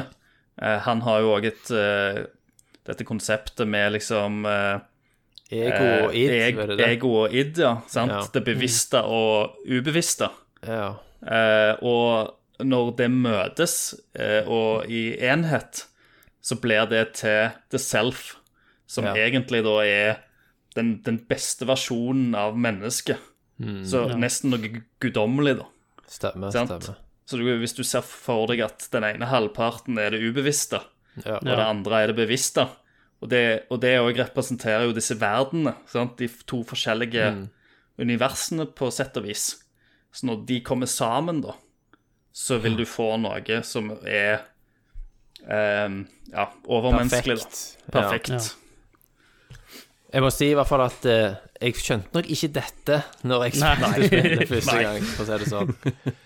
Og spillet kommuniserer jo ikke alltid dette like klart heller, sånn på direkten. Nei. Nei. Jeg er jo jeg er spent på, Håkon, hva, hvordan tanker gjorde du deg opp på det spillet? For at eh, jeg ble jo litt frustrert. Du var litt sånn som bare spilte for gameplays del og dreit litt i, i cutscenes og det, det Ja, som skjedde det- rundt. Høres ut som en annen jeg kjenner det der. Ja, ja, det, det gjør det. Er det, er det Snakker du om din bror? ja. ja. Tidligere gjest fra Toplayer-episoden Ja. Kenneth Jørgensen. Ja. Press X Ja. to skip. Ja, Nei, det, nei, er- nei det, er, det, er ikke, det er ikke helt press X to skip, det, det, det, var ikke det, men, men jeg var um, um, det, spillet her var litt sånn der eh, Tider så fikk jeg litt den derre Å, kan jeg bare bli ferdig nå, egentlig? Jeg jeg er langt ifra slutten nå. Men så er det jo igjen de, de puzzlene som snakker om Det var sånn her Oi, shit, det her klarer jeg ikke legge det fram med. Men så var det sånn gang på gang hvor det var sånn herre Åh, shit. Det er Men- OK, ja. Oi, nå var det sånn, og så Ja. Men til litt forsvar, Håkon, så var jo de cutscenene og alt det mye mer imponerende i 1999 enn med i Det er jo- 2021. Ja. Så du er litt unnskyldt med at du ga litt faen, da. Yes. Men vi, vi har jo snakka litt om eh, de bossene. Eh, eh, jeg vil jo si at de fleste bossene slåss mot, eh, er jo litt kjedelige. Litt som i Resident Evil. Med tanke på at du har ei, ei larve og en eh, nattsvermer og sånne ting. Så jeg syns eh, den kanskje kunne funnet på litt andre løsninger for de bossene, med tanke på at jeg synes mange av alle, alle de vanlige fiendene er kulere enn noen av de bossene. Ja, Siste bossen er kul, og så er det gøy at uh, du må slåss mot demonen Sibyl. Ja, Eh, og det er på en måte ikke- de som stikker litt ut, da. Ja, men uh, han demonen det, det er ikke alltid du kan slåss mot han. Nei, For Fordi at uh, i Bad Ending Plus og Bad Ending så slåss du jo mot uh, The Mother of God. Mm. Mens i Good og Good Plus så slåss du mot han. Sibyl, Ja, jeg, jeg slåss ikke mot Sybil. Det, det gjorde jeg ikke, så jeg har sett det på YouTube. Også, åssen hvordan det var Og jeg så at det er jo mye, mye, mye mer.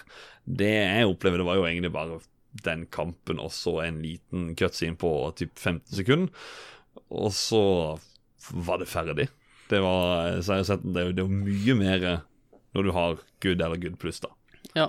Jeg, jeg kan jo Men hva dere synes om siste bossene? Eh, Er de enkle? Eh, Jeg syns ikke noen av bossene er egentlig så spektakulære i Nei, de er ikke det.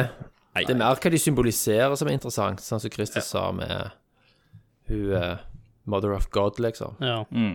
Men uh, ja, så, så der Ja, så der har det jo et visst impact. Men nå er det så igjen så lenge siden jeg spilte dette spillet, så jeg husker ikke så uh, godt om, om jeg sleit, eller hva jeg Nei. tenkte på Ja, men du er der og da. jo, du er jo verdensmester i å slå boss, så du, du klarte Ja. det vel enkelt. Ja, Men, det var eh, det boss- første, forsøk, tenker jeg. Ja. Det tror jeg nok. Eh, Bossene er jo ganske like, mens Mother of God står på bakken og skyter eh, blå lyn, så flyr den andre og skyter rød lyn, eller noe sånt. Mm. Så de Ja. er jo ganske like, da. Men jeg har lyst til å bare gå litt raskt igjennom hva som må til for å låse opp dere good og bad ending. Ja. Good pluss, så må du ta med ei rød ei flaske med noe rød væske som du finner på et kjøkken. Og så må du dra til Ants Bar og, og Indian Run og motellet. Og så må du jo redde Sybil, og Sybil redder jo med å kaste den røde veska på henne, så får ut den parasitten. Og det er jo ikke samme sykepleierne og doktorene på sykehuset, de har jo en parasitt i seg som gjør at de blir sånn. Ja. Og uh, good er samme som good pluss, bare at du i stedet for å redde hun Sybil, så dreper du henne.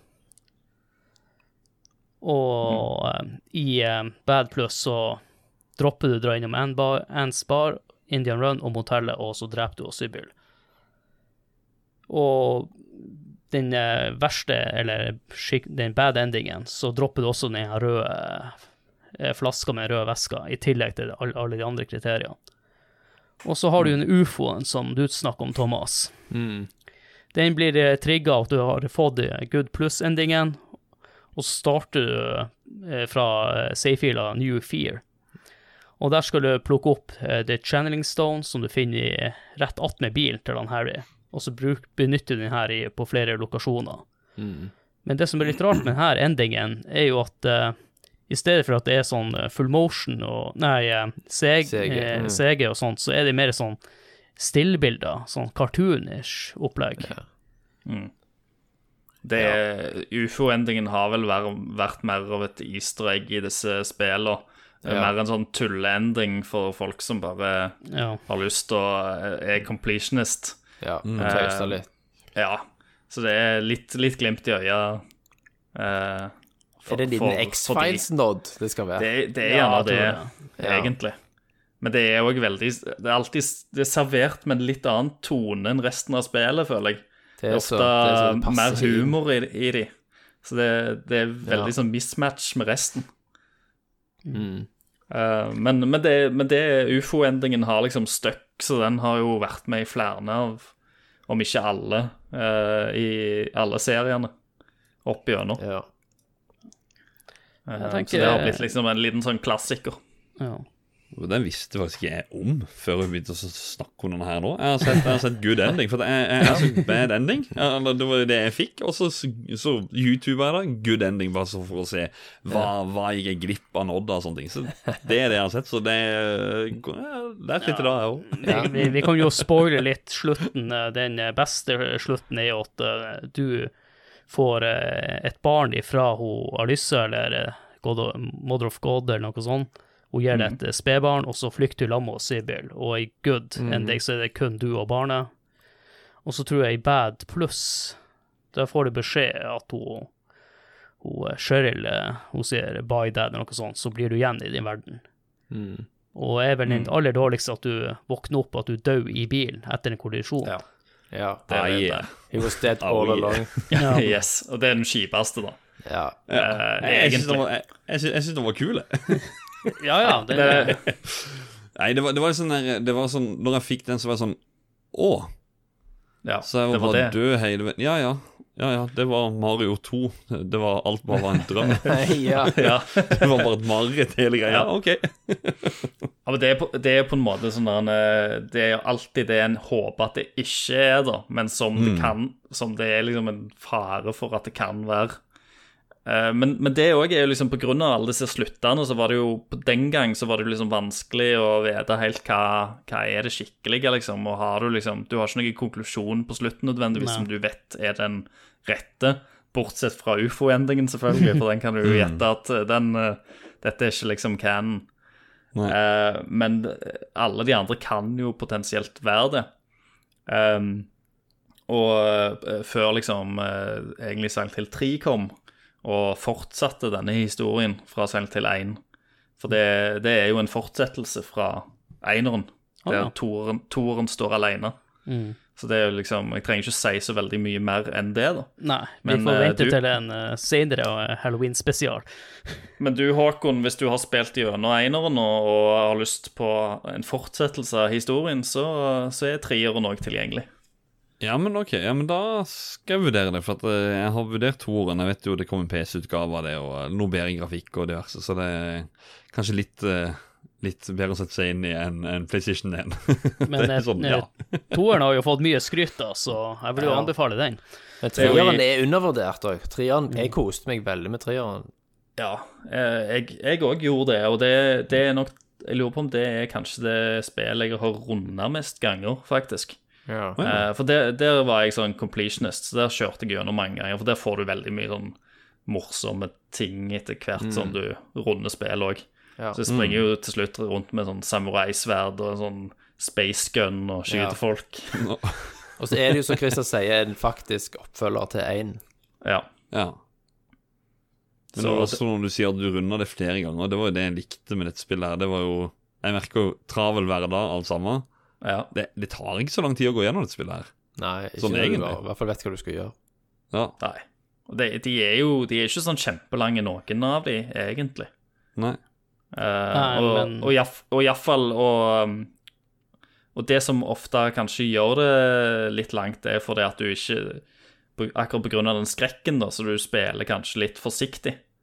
Mm. Uh, mens neste gang du kjører gjennom, så husker du gjerne hva som skjedde. At uh, her er det bare til å springe rett gjennom, og du husker puzzles, og du husker noenlunde hva retning du skal. Mm. Så du halverer jo tida. Ja. For å si det sånn, Håkon, eh, pianopuzzelen tok en time alene i starten. ja, men det var derfor jeg, eh, ja, jeg, jeg tror det var fem minutter, så fant jeg ut at Nei. Nei. Fem minutter, det var nok for deg. Det, det, er, rett, det er rett på YouTube, det. Ja. Men det er jo en tragisk eh, historie, egentlig, for uh, dattera til, til Harry eh, Uansett hva ending du får, da, så er jo hun vekke. Ja. Ja. Eh, så sånn sett så er det jo tragisk, sant. Enten så, så er jo Så er Harry død, da, bak rattet på, på bilen sin. Eh, eller så så klarte ikke dattera seg. Eller så stikker du av med dattera, eller barnet til til- dattera. Ja. Ja. ja. Men dattera di er vekke, ja. uansett, da. Så du, så du blir bestefar, egentlig, på good Ja. ending. Ja, på, på, på et vis, Egentlig. ja. Ja. I'm a granddad! Og du bare løper han og jubler og bare yes. Men uh, siden vi har I en alder av 30. ja. Men når vi sier har eh, diskutert det litt slutten, så tenker jeg vi må jo diskutere litt hva er det som trekker opp spillet. Hva er det de lykkes med? Det er jo, Og hva- det er jo stemninga, syns nå jeg, da. Der eh, ja, Ja. At det generelt er creepy hele tida. ja. Og at de, Og så er det jo puzzles. Som jeg, jeg kunne egentlig ha nevnt enda flere. Den, den, eh, den ene på, på sykehuset hvor du Det var noe eh, tallrekke og noe, og noe Og et annet skilt hvor det var noe ja, jeg, jeg husker ikke. Det var, det var for, for, for å åpne en dør. Så kunne, Ja. måtte du gå frem og tilbake. Altså, jeg gikk og så på disse her hele tida. Jeg bare Men du brukte YouTube. Nei, nei, nei. nei. Ja. Det, det, det, var, det var kun pianoet. Men, men når en løste en puzzle, det er en kode du må åpne for å, for å eh, åpne en dør. Og da løp jeg frem og tilbake og Hva er dette her for noe? Herregud. Er, er, det, er, det, er det bare jeg som er dum, eller? Så, Sava er jo et geni. Jesus Christ, var det bare å løpe bort og så punche inn. Jeg bare, ja! Jeg hadde lyst til å juble og, og hoppe i stolen og yes. Det var Ja. Jeg så puzzlesene syns jeg er, er veldig, veldig bra Ja. med et spill der. Ja. Ja. Det jeg syns de lykkes med, det er jo at de klarte å komme på noe som skilte dem ifra Resident Evil-serien. De klarte å finne på sitt eget, og stå på egne bein. Som i egentlig utgangspunktet så prøvde de å være Resident Evil. Så det lykkes de veldig med. Jeg tenker også det, liksom, de har, det er tydelige ting som peker mot liksom, Resident Evil-formulaen, da. Eh, men samtidig så er det òg liksom et Det står helt fint på egne bein, og at det er et eget univers og har en helt annen type Det er en annen sjanger, sant. Ja. Mm. Og spiller på helt andre fryktmekanismer. Yes. Ja. Eh, Det tar ikke helt av, sånn som Resident Evil på slutten. Da hadde du jo ren action, og du er ikke redd i det hele tatt. Du går jo bare og rundt og Ja. dreper folk med Ja. Men, Ja. men Resident Evil òg, det blir jo liksom Det er sånn den klassiske greier at eh, studio lager et eh, skrekkspill, og så går det greit, og så lager de en oppfølger, og så er det litt mer actionorientert, og så er det litt mer actionorientert for neste gang og neste gang, og til slutt så ender det opp med til å bli et actionspill. Vi har jo sett mange skrekkserier som har gjennomgått den transformasjonen eh, opp gjennom åra. Eh, men, eh, men det er noen sånn pure skrekkelementer i eh, old school Resident Evil òg. Du har mye sånn der denne, eh, creepy ganger, de første zombiene som bare går seint, og eh, som bygger opp under skrekk. Bare loadingen på dørene, som bygger opp en forventning om hva er det som så, gjemmer seg bak Ja. denne døra her, da. Sant? Hva får jeg se? Det, det er liksom allerede småting der Det er som er, er, er like, da. Ja. Kommer fra samme sted. Men eh, hva er det som kanskje trekker ned spillet? Altså, det er jo tekniske begrensningene eventuelt. Selv om når det kom, så var ikke det noe jeg tenkte så mye på, fordi vi hadde ikke så mye å sammenligne med. Nei. Uh, Så, For- så det ser jo veldig PlayStation 1 ut, da. sant? Ja. Det er ikke så veldig mye textures å snakke om. Nei. Og så er det jo Og så er det jo kanskje Skal du si da, den emosjonelle historiefortellingen, sant.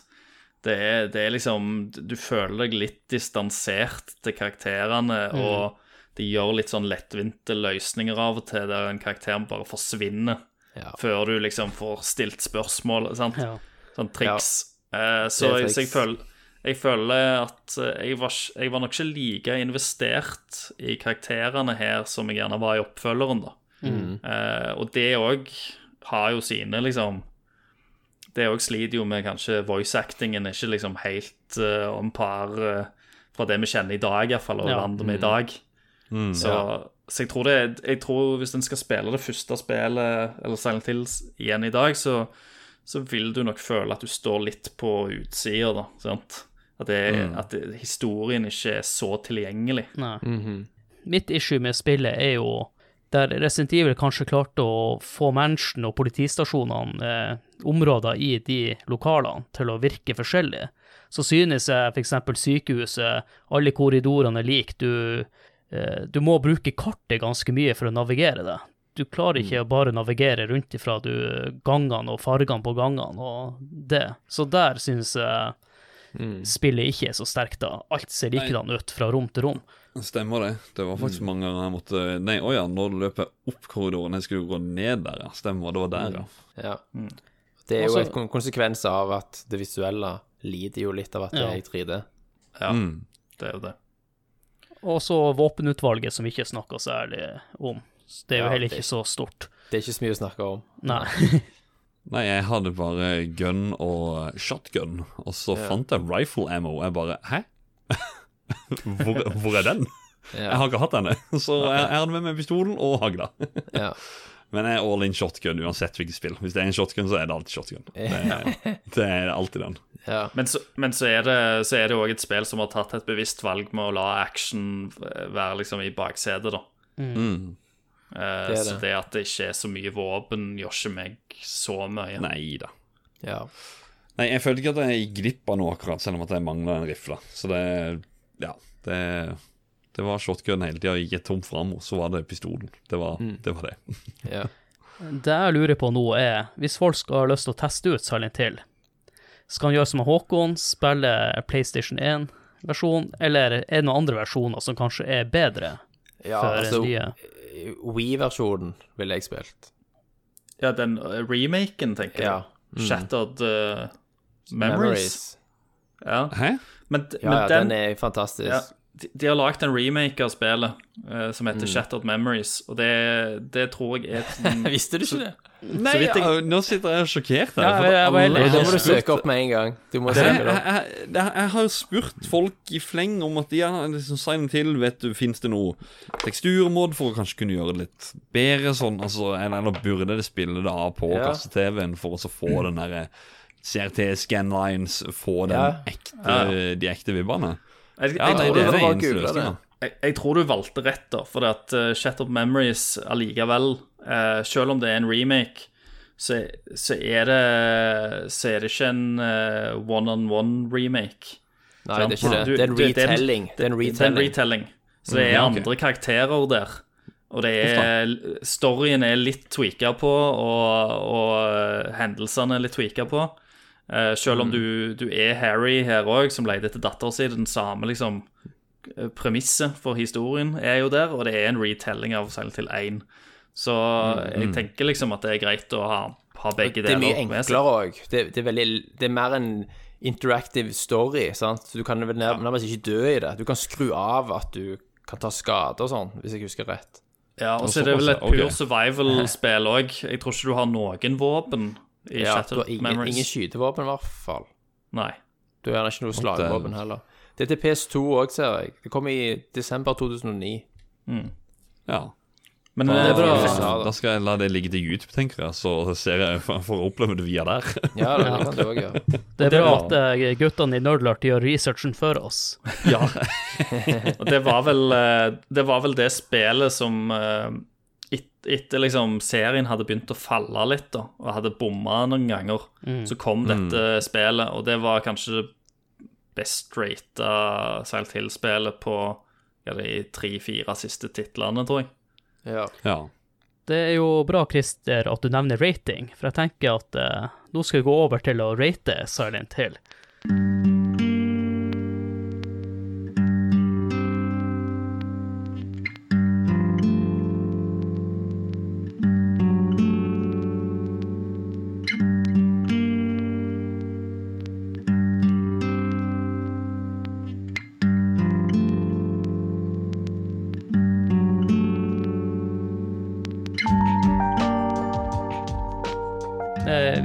setter karakterene ut ifra skalaen fra 1 til 10 etter Nintendo-magasinet sine kriterier, og bedømmer ut ifra de her fem punktene. Grafikk, lyd, spillkontroll, underholdning og holdbarhet.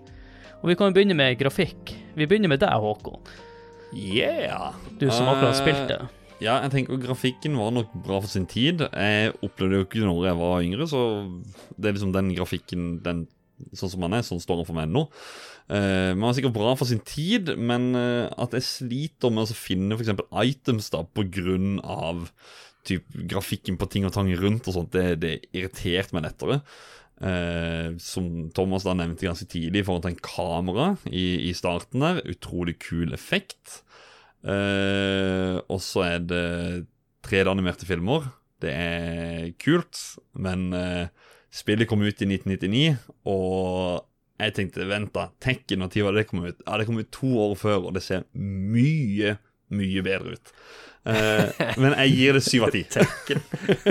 Du, du kan ikke sammenligne dette spillet med Tekken. Jo, Tekken skal- CGI, Tekken CGI, CGI, CGI, der gjør jeg det, altså. Nei, vet, du hva, vet du hva, Tekken kom ut faktisk tre år før dette, til og med. Ok, Så det er CG-en du sammenligner med? Håper Ja, jeg. ja, Ikke ja. realtime-grafikken. Nei, ikke realtime-grafikken. Nei.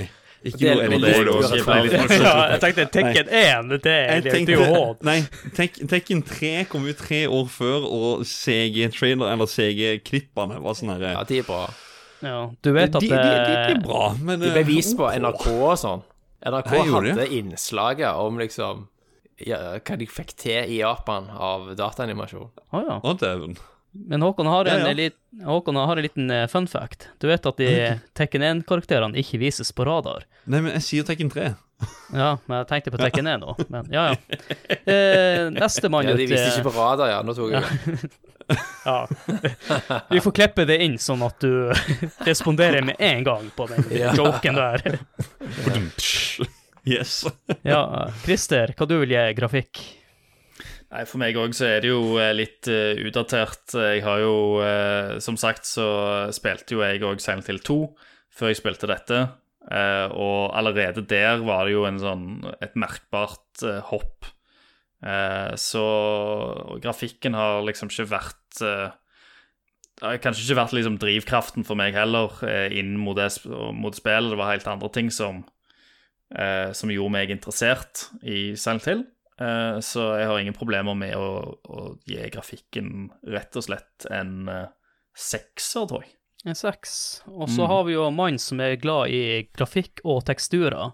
Jeg er jo veldig spilt spent spillet Thomas. har, ja, altså spillet har jo ikke teksturer, så Hvor er teksturene, mann? Ja. eh, Men altså, ja, det var veldig imponerende i sin tid. CG-en syns jeg var veldig bra når han kom. Jeg spilte jo ikke så mye Tekken, så jeg har ikke så mye sammenligningsgrunnlag. Men jeg, det er veldig muddy og vanskelig å se til tider. Jeg er nok mer på en sekser der, altså, som Christer sier. Seks av ti. Så han som har spilt spillet nyligst, gir best karakterer, for jeg gir også en sekser. Å, dæven. Jeg tenkte jeg skulle være snill nå, jeg. Altså. Ja. Ja, du har jo vært snill. Men, men, men jeg, jeg, må, jeg må si grunnen for at jeg trekker inn Tekken 3, det er for at det, det CG-filmer Det er liksom Vi satt og så de filmene på Tekken 3 igjen og igjen og igjen Ja, ja, og igjen. ja. og igjen Så derfor må jeg trekke den sammenligninga, da. Ja, og det er tre års forskjell. Så da ja. Ja. Eh, Håkon, hva du vil gi lyden? Han er dyster, og eh, han setter stemninga. Og så har han en veldig eh, ikonisk introlåt. Mm. Eh, jeg vet ikke hvilket instrument det er. Det er ikke gitar. Nei, det Mandolin, kanskje? Nei, mandolin, vil jeg tro. Ja. ja. Den er Mandolin, sånn som jeg lenge trodde heter gil giljotin. Ja. Ok, ja. Og så er det jo den derre ikonisk uh, gitarlåt òg, men den kom gjerne ikke før uh, Ja, det kommer i toeren. Der Ja, har han en det- gitarlåt. ja. Nei, og så er det jo den derre Not Tomorrow, som er Lisa Garlands uh, theme. Den er også sånn Det, det, det er to låter som, uh, Ja. som uh, Og den Ja, Lisa. Gar- Garland-låta går i bakgrunnen mens jeg snakker om utvikling av spillet. Yes. Ja. Men så er det klønke lyder. Litt sånn voice-actinga ikke på topp, kan du si. Mason, eller han, han er jo Det er jo samme som eh, som Dracula i, i Symphony of the Night. What is a man? Den der fæle der. Fantastisk. Så, eh, men um, lyden, musikken, uh, skaper en 6,5 av 10, for at jeg, jeg sto 6-7 ja. Og dere to andre får lov til å gjette hvem som begynte innenfor komma i spill. Han er, han er med i deres podkast, og broren Ah, på den ene her. Nettopp. Det var han som begynte med komma, ja. selvfølgelig. Han- Han vil ikke Han finner seg ikke i å bli fortalt hvordan ting skal være. Nei, nei. Han skal være den som forteller hvordan det skal være. Ja. Stemmer. Christer, hva du gjør da, sier lyden? Uh, jeg syns jo liksom lydbildet er utrolig effektivt. Altså Her òg er det, det er jo litt sånn datert uh, lydbilde, men uh, ennå så er det effektivt, og det gjør det det skal gjøre. Det setter en utrolig god stemning på, på ting. Eh, musikken er helt geniale eh, med tanke på sjangeren, og eh, med tanke på å skille seg ut og gi spillet en unik identitet. Så musikkmessig så er det, så er det nesten toppkarakter. Eh, lydmessig, lydbilder er- òg veldig bra, selv om det gjerne er litt sånn litt hult i dag. Ja. Eh, og, og voice-actingen er nok kanskje det som, som ikke er liksom like, like bra. Den er liksom midt på treet. Eh, så hvis, jeg, eh, hvis vi gir kommer her, eh, så tror jeg jeg skal gi en 8,5, jeg. Eh, sånn rent blanda mellom de tre aspektene. Ja, Enn du, Thomas? Følger du bror Eh. din med å gi kommer her? ja, kanskje. Altså, jeg syns at lydbildet er veldig bra. Eh, Jeg syns at det var på, i 1999 allerede da veldig innovativt. Og det, var, det har en helhet uh, i over seg som man ikke så Det var ikke, altså, det var ikke hverdagskost i spill på den tiden. Eh, og måten lyd blir brukt som en del av uh, på en måte gameplay òg, med radioen som noen velger å skru av, da, men som andre syns var veldig effektivt. Eh, jeg er på 9,5. 9,5. Der ser Ja. jeg. Velger å se vekk fra voice actingen som en del av denne pakken, egentlig. Jeg hadde jo tenkt å trekke ned på, hadde jo tenkt å trekke ned på grunn av radioen, men så finner jeg ut at den kan du jo slå av, så der kan jeg ikke trekke. Men jeg hater de, alle de gårdlydene. Den Ja, det var jo alltid, det var jo alltid Ja. et problem på den tiden. Ja, det er forferdelig, så Klikk, klakk, klikk, klakk, klikk, klakk, sånn uansett underlag. Men det er jo også lyden som gjør spillet for min del, så jeg velger å gi det en nier. Ja, dæven. Jeg er lavest her, men høyest på grafikk. Ja, Ja, yeah. da var jeg, eh, jeg Jeg var nest lav, lavest. Jeg tenkte jeg, jeg var skulle nå arbeidskrister. Ja. Fader. Og, eh, og det er jo Ja, det er merkelig, da, for lyden er jo en av styrkene til spillet. Du har lov til å ombestemme det. Nei, men jeg, jeg eh, Du står, du står på 8,5. jeg, jeg står på 8,5 fordi at eh, jeg er mer glad i oppfølgeren. Så hvis Ja. jeg, vet hvis jeg, jeg måler det litt opp mot den òg. Så til neste år så blir det en tier der. Det kan være mulig. Eh, vi begynner med deg, Håkon, selvfølgelig på spillkontroll, for du er den siste som spilte, så jeg tror kanskje vi andre blir gitt deg samme scoren Ja, som, du, som jeg- du blir gitt.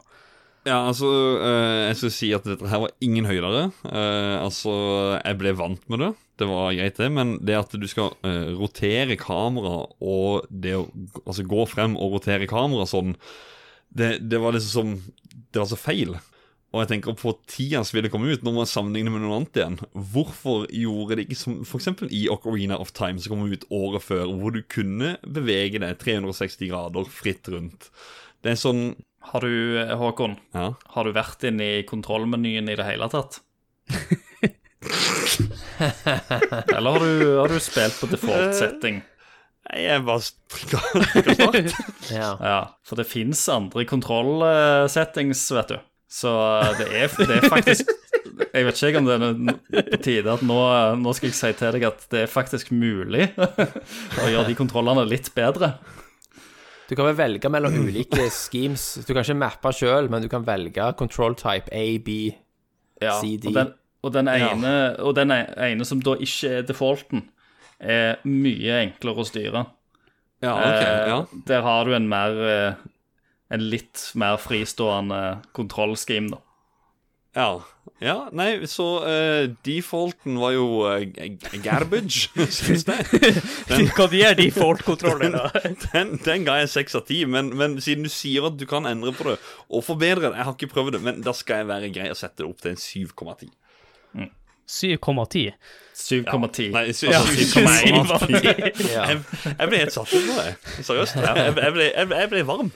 ja. ja. Ok, da må vi lite på deg da, Christer, du som Ja. Ja, det, dette, dette vet jeg vel bare av at jeg så en, eh, en eh, litt av Så- en Let's Play. Så du har også spilt med default-kontroller? Jeg, jeg spilte òg med default-kontrollen. Så ingen har spilt med Nei, jeg, jeg, det er veldig sjeldent jeg går inn og begynner å tweake på controller-settings. Å, så jævla bra det er, det er jo legendarisk. Ok, hva du vil gi default-kontroller, så gir vi en karakter opp fordi at det, det finnes andre muligheter. Ja. Hva du sa Christer? Nei, eh, altså, jeg, eh, jeg gir det en eh, ja, Jeg gir det en 6,5, jeg. På kontroll. 6,5. Ja. Jeg gir det Eh, samme, jeg.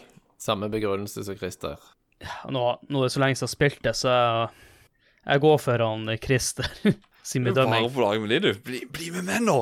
OK, greit, greit, Håkon. Jeg, jeg gir eh, Nei, vet du hva, vet du hva? Du kan faktisk gi meg også en, 6,5. Jeg er enig. Det, Ok, det, 6,5 over hele Kunne egentlig bare gitt en 6 òg, for en saks skyld. Underholdning. Der er jeg spent, Håkon. Ja, jeg sa jo det at det var flere ganger jeg følte på sånn Å, kan jeg bli ferdig? Uh, og så eh, var det veldig sånn Når puzzles begynte sånn, så var det veldig vanskelig å si fra seg kontrolleren. Og så er det Det er skummelt. Uh, og ja, som vi har snakka mye om stemninga og, og alt sammen. Uh, ja, her var jeg veldig kjapp. så, men åtte av ti. Gjør det. Christer? Jeg ble jo veldig tiltrukket av, eh, av stemningen og mystikken i spillet, og symbolikken og, den, og de aspektene der. Eh, og eh, etter, jeg har blitt, etter hvert som jeg har blitt eldre og eh, blitt klokere, så har det vært litt gøy å gå tilbake til det spillet og, og, og serien òg, og prøve å sette seg inn i eh, og analysert hva de, eh, hva de faktisk mente med ting den gangen. Eh, så, så jeg, eh, jeg tror jeg lander på en eh, På det første spillet så lander jeg på en syv av ti der. Fordi at det på, på underholdningsverdien. Fordi at jeg, det er gode ting der, men uh, som, som jeg var litt inne på tidligere, så er det òg elementer som er litt, litt utilgjengelige i dag. Så jeg føler liksom at det har gjerne tapt seg litt. Det, det krever litt innsats. Mm. Enn du, Thomas? Ja, jeg er veldig enig med Christer der, altså. Så jeg bare henviser til hans begrunnelse. Ja. Ditto, er det ikke det vi sier? Ditto, ditto. Ja. ja. Og jeg er enig med Christer. ja. Gjør det raskt og enkelt. Jeg er ingen som er enig med meg. Se der. Christer var så vel artikulert Ja. og begrunna, så Du har ingen å høre på, Håkon, sånn at uh... Nei. Sånn er det å være førstemann ut. Eh, Holdbarhet, Håkon. Hvordan har spillet holdt seg i dag? Nei, jeg, jeg, jeg, jeg vet ikke, rett og slett. Det, det er ikke Det er PlayStation 1-spill, tredjeperson. Uh, det er sånn jeg, jeg, jeg sier gjerne fem, uh, 95% av biblioteket på PlayStation 1 har liksom ikke holdt seg, syns, syns det, da, i, i, i mine øyne. Her har jeg gått veldig langt ned. Jeg har eh, gått til fem av ti. ja. Christer? Jeg blir forbanna hvis noen sier fire av ti nå. Eh, nei, eh, vet du hva, jeg er helt enig med deg, eh, Håkon. Jeg eh, syns òg at det lander sånn eh, midt på, på treet der. Eh, Fordi at jeg føler at eh, det er jo ikke det er jo ikke uspillbart på noen måte, men allikevel så er det blitt så datert at eh, det, det er litt vanskelig å, å, å spille det i, i dag. Mm. Det krever, igjen, det krever litt, litt innsats, så jeg òg lander på en fem av ti der. altså. Enn du, Thomas? Ja, altså Første generasjon 3D-spill De har jo strengt tatt ikke holdt seg så godt, sant? For det, det var jo en veldig eksperimentell fase med hardware som så vidt klarte å rendre 3D, sant? Mm. Så eh, med dagens øyne òg, og du klarer ikke helt å huske hvordan det var der og da, så deler jeg den vurderingen der. Femmer. Så det var ikke urimelig, det, Håkon. Yes! Nå, nå skal jeg være the good guy og gi det seks. Oi, Ja. oi, oi, oi, oi, oi. Men jeg syns jo det er jo et spill som av, av, av den Sånn som det er i spillverden nå, at spill får remakes og, og remaster og sånne ting, så syns jeg dette spillet fortjener en, en ordentlig remaster om, om ikke ja, Eller en remake. remake hadde jo vært Ja. Ja. Eh, Aktiv var det Shattered Memories kom. 2009. 2009, ja. Ja ja, det er gjerne på tide. på. Wii. Hvis du dryler på med Unreal Engine 5 nå, liksom, og høyt budsjett Ja, ja, altså liksom hvis Konami Konami Det ryktes jo om at de har eh, hva er det, to nye Silent Hill-relaterte Ja. prosjekter eh, i, i ov ovnen. Eh, det ene da, som da er, vil være Silent Hills, eh, og det andre som da potensielt er en, en remake eller en remaster av Ja. Jeg tror de vil ha litt av den kaka som de ser Capcom har nå. sant? De har gjort det bra med Resident Evil-serien igjen. sant? Så det var, Hvis det var det som inspirerte de i utgangspunktet til å lage serien, så kanskje det er remast, eller remakene som da inspirerer de til å remake sine egne spill òg. Ja. Og de har jo bomma totalt med oppfølgerne. Eh, Så hva med å gå tilbake og liksom bare shine opp de spillene som virkelig traff spikeren på hodet, da. Enig. Så én og toen spesielt hadde jo vært magisk å få Ja. remade. Ja, spes spesielt de. Eh, Men jeg, jeg syns òg de gjerne kunne sett på en trilogi, i og med at eineren og treeren henger litt sammen. Ja da. Nå håper jeg vi er like heldige som i Actracer-episoden, hvor vi fikk en eh, remake en måned etter vi snakker om spillet. Oh, ja. Kanskje vi snakka det inn to existence. ja. Det nærmer seg jo The Game Awards. Så det hadde jo Ja. vært en fin Geoff Keeley kommer på banen og sier 'Silent Hills'. Ja. Og, går og gir- Kojima en klem. Ja. Og nå lager han Silent Hills sammen med Sony. Ja, og så har de byttet ut han uh, Harry med han eh, Norman Reedus. Ja, Ja, så han er tilbake. Selvfølgelig. Men Håkon, vi må jo også pitche podkasten. Ja, det er måten å støtte spill, det er å eh, tipse venner og bekjente om podkasten. Og så har vi diverse community, eh, både inn på Discord og spillcommunity på Facebook. Link til det finner dere i episodebeskrivelsen. Og samme gjør dere med Facebook-sida, hvor vi ja, publiserer bl.a. episodene. Det er stort sett det vi publiserer der. Og så eh, må dere sjekke ut spillhistorie.no. De skriver en artikkel om eh, hver episode som vi legger ut, og det setter vi veldig, veldig pris på. De har mye, mye kule nyheter og eh, tilbakeblikk og diverse som en kan sjekke ut der. Oppdateres daglig. Og så tenker jeg disse to eh, karene som er gjest her, at dere kan jo plugge Nerdcast, eller Nerd Alert. Ja, For dere har jo jo Ja, ja, ja, hva skal vi si, da? Eh, vi har jo hatt verdens lengste sommerferie, Thomas. Ja, det er Eh, vel og- mildt sagt. Ja, og vi, vi, prøver, vi prøver så godt vi kan til å liksom samle hele gjengen, så vi kan blæste ut nok en episode med gull Stemmer. eh, til, til alle som er interesserte, og husker de gode, gamle traverne fra Ja, Ja, fra for sist tiår. Back in the day. ja. Nerdcast Ja. er jo elleve år gammel. Snart Ja, tolv år gammel. Ja. Det er jo fra podkastens spede begynnelse. Ja. Det er det. De Tenk det. originale episodene. Ja. Dere er vel kanskje lengstlevende spillpodkasten i Norge, sånn. ja. Å- Hvis du liksom regner, Hvis du tillater eh, liksom de pausene som ligger inni der, Ja. og allikevel kaller det for en sammenhengende podkast-serie, så ja. Men det er jo som vi har sagt, da, at det, folk som liksom har, jeg føler har begynt for noen år siden, så er det liksom Å, velkommen til episode 249, mens vi liksom er på episode Liksom, hva da? 67, føles det som, hver eneste gang. Vi kommer aldri videre. Nei. Nei, men det er en utrolig god podkast. Det er jo gjerne der eh, Det var faktisk en av mine første podkaster som jeg ble, ble sånn fast lytter til, da, og, og eh, følte at jeg liksom ble bedre kjent med de som som satt i redaksjonen, da. Eh, Da, da nærmere bestemte Nerdcast X, hvor det alt eh, begynte. så, så eh, Nei, anbefaler alle å, å sjekke ut Nerdcast. Det er et stort og bra bibliotek med Med timer, ja, Ja. timer av galskap og underholdning og ja.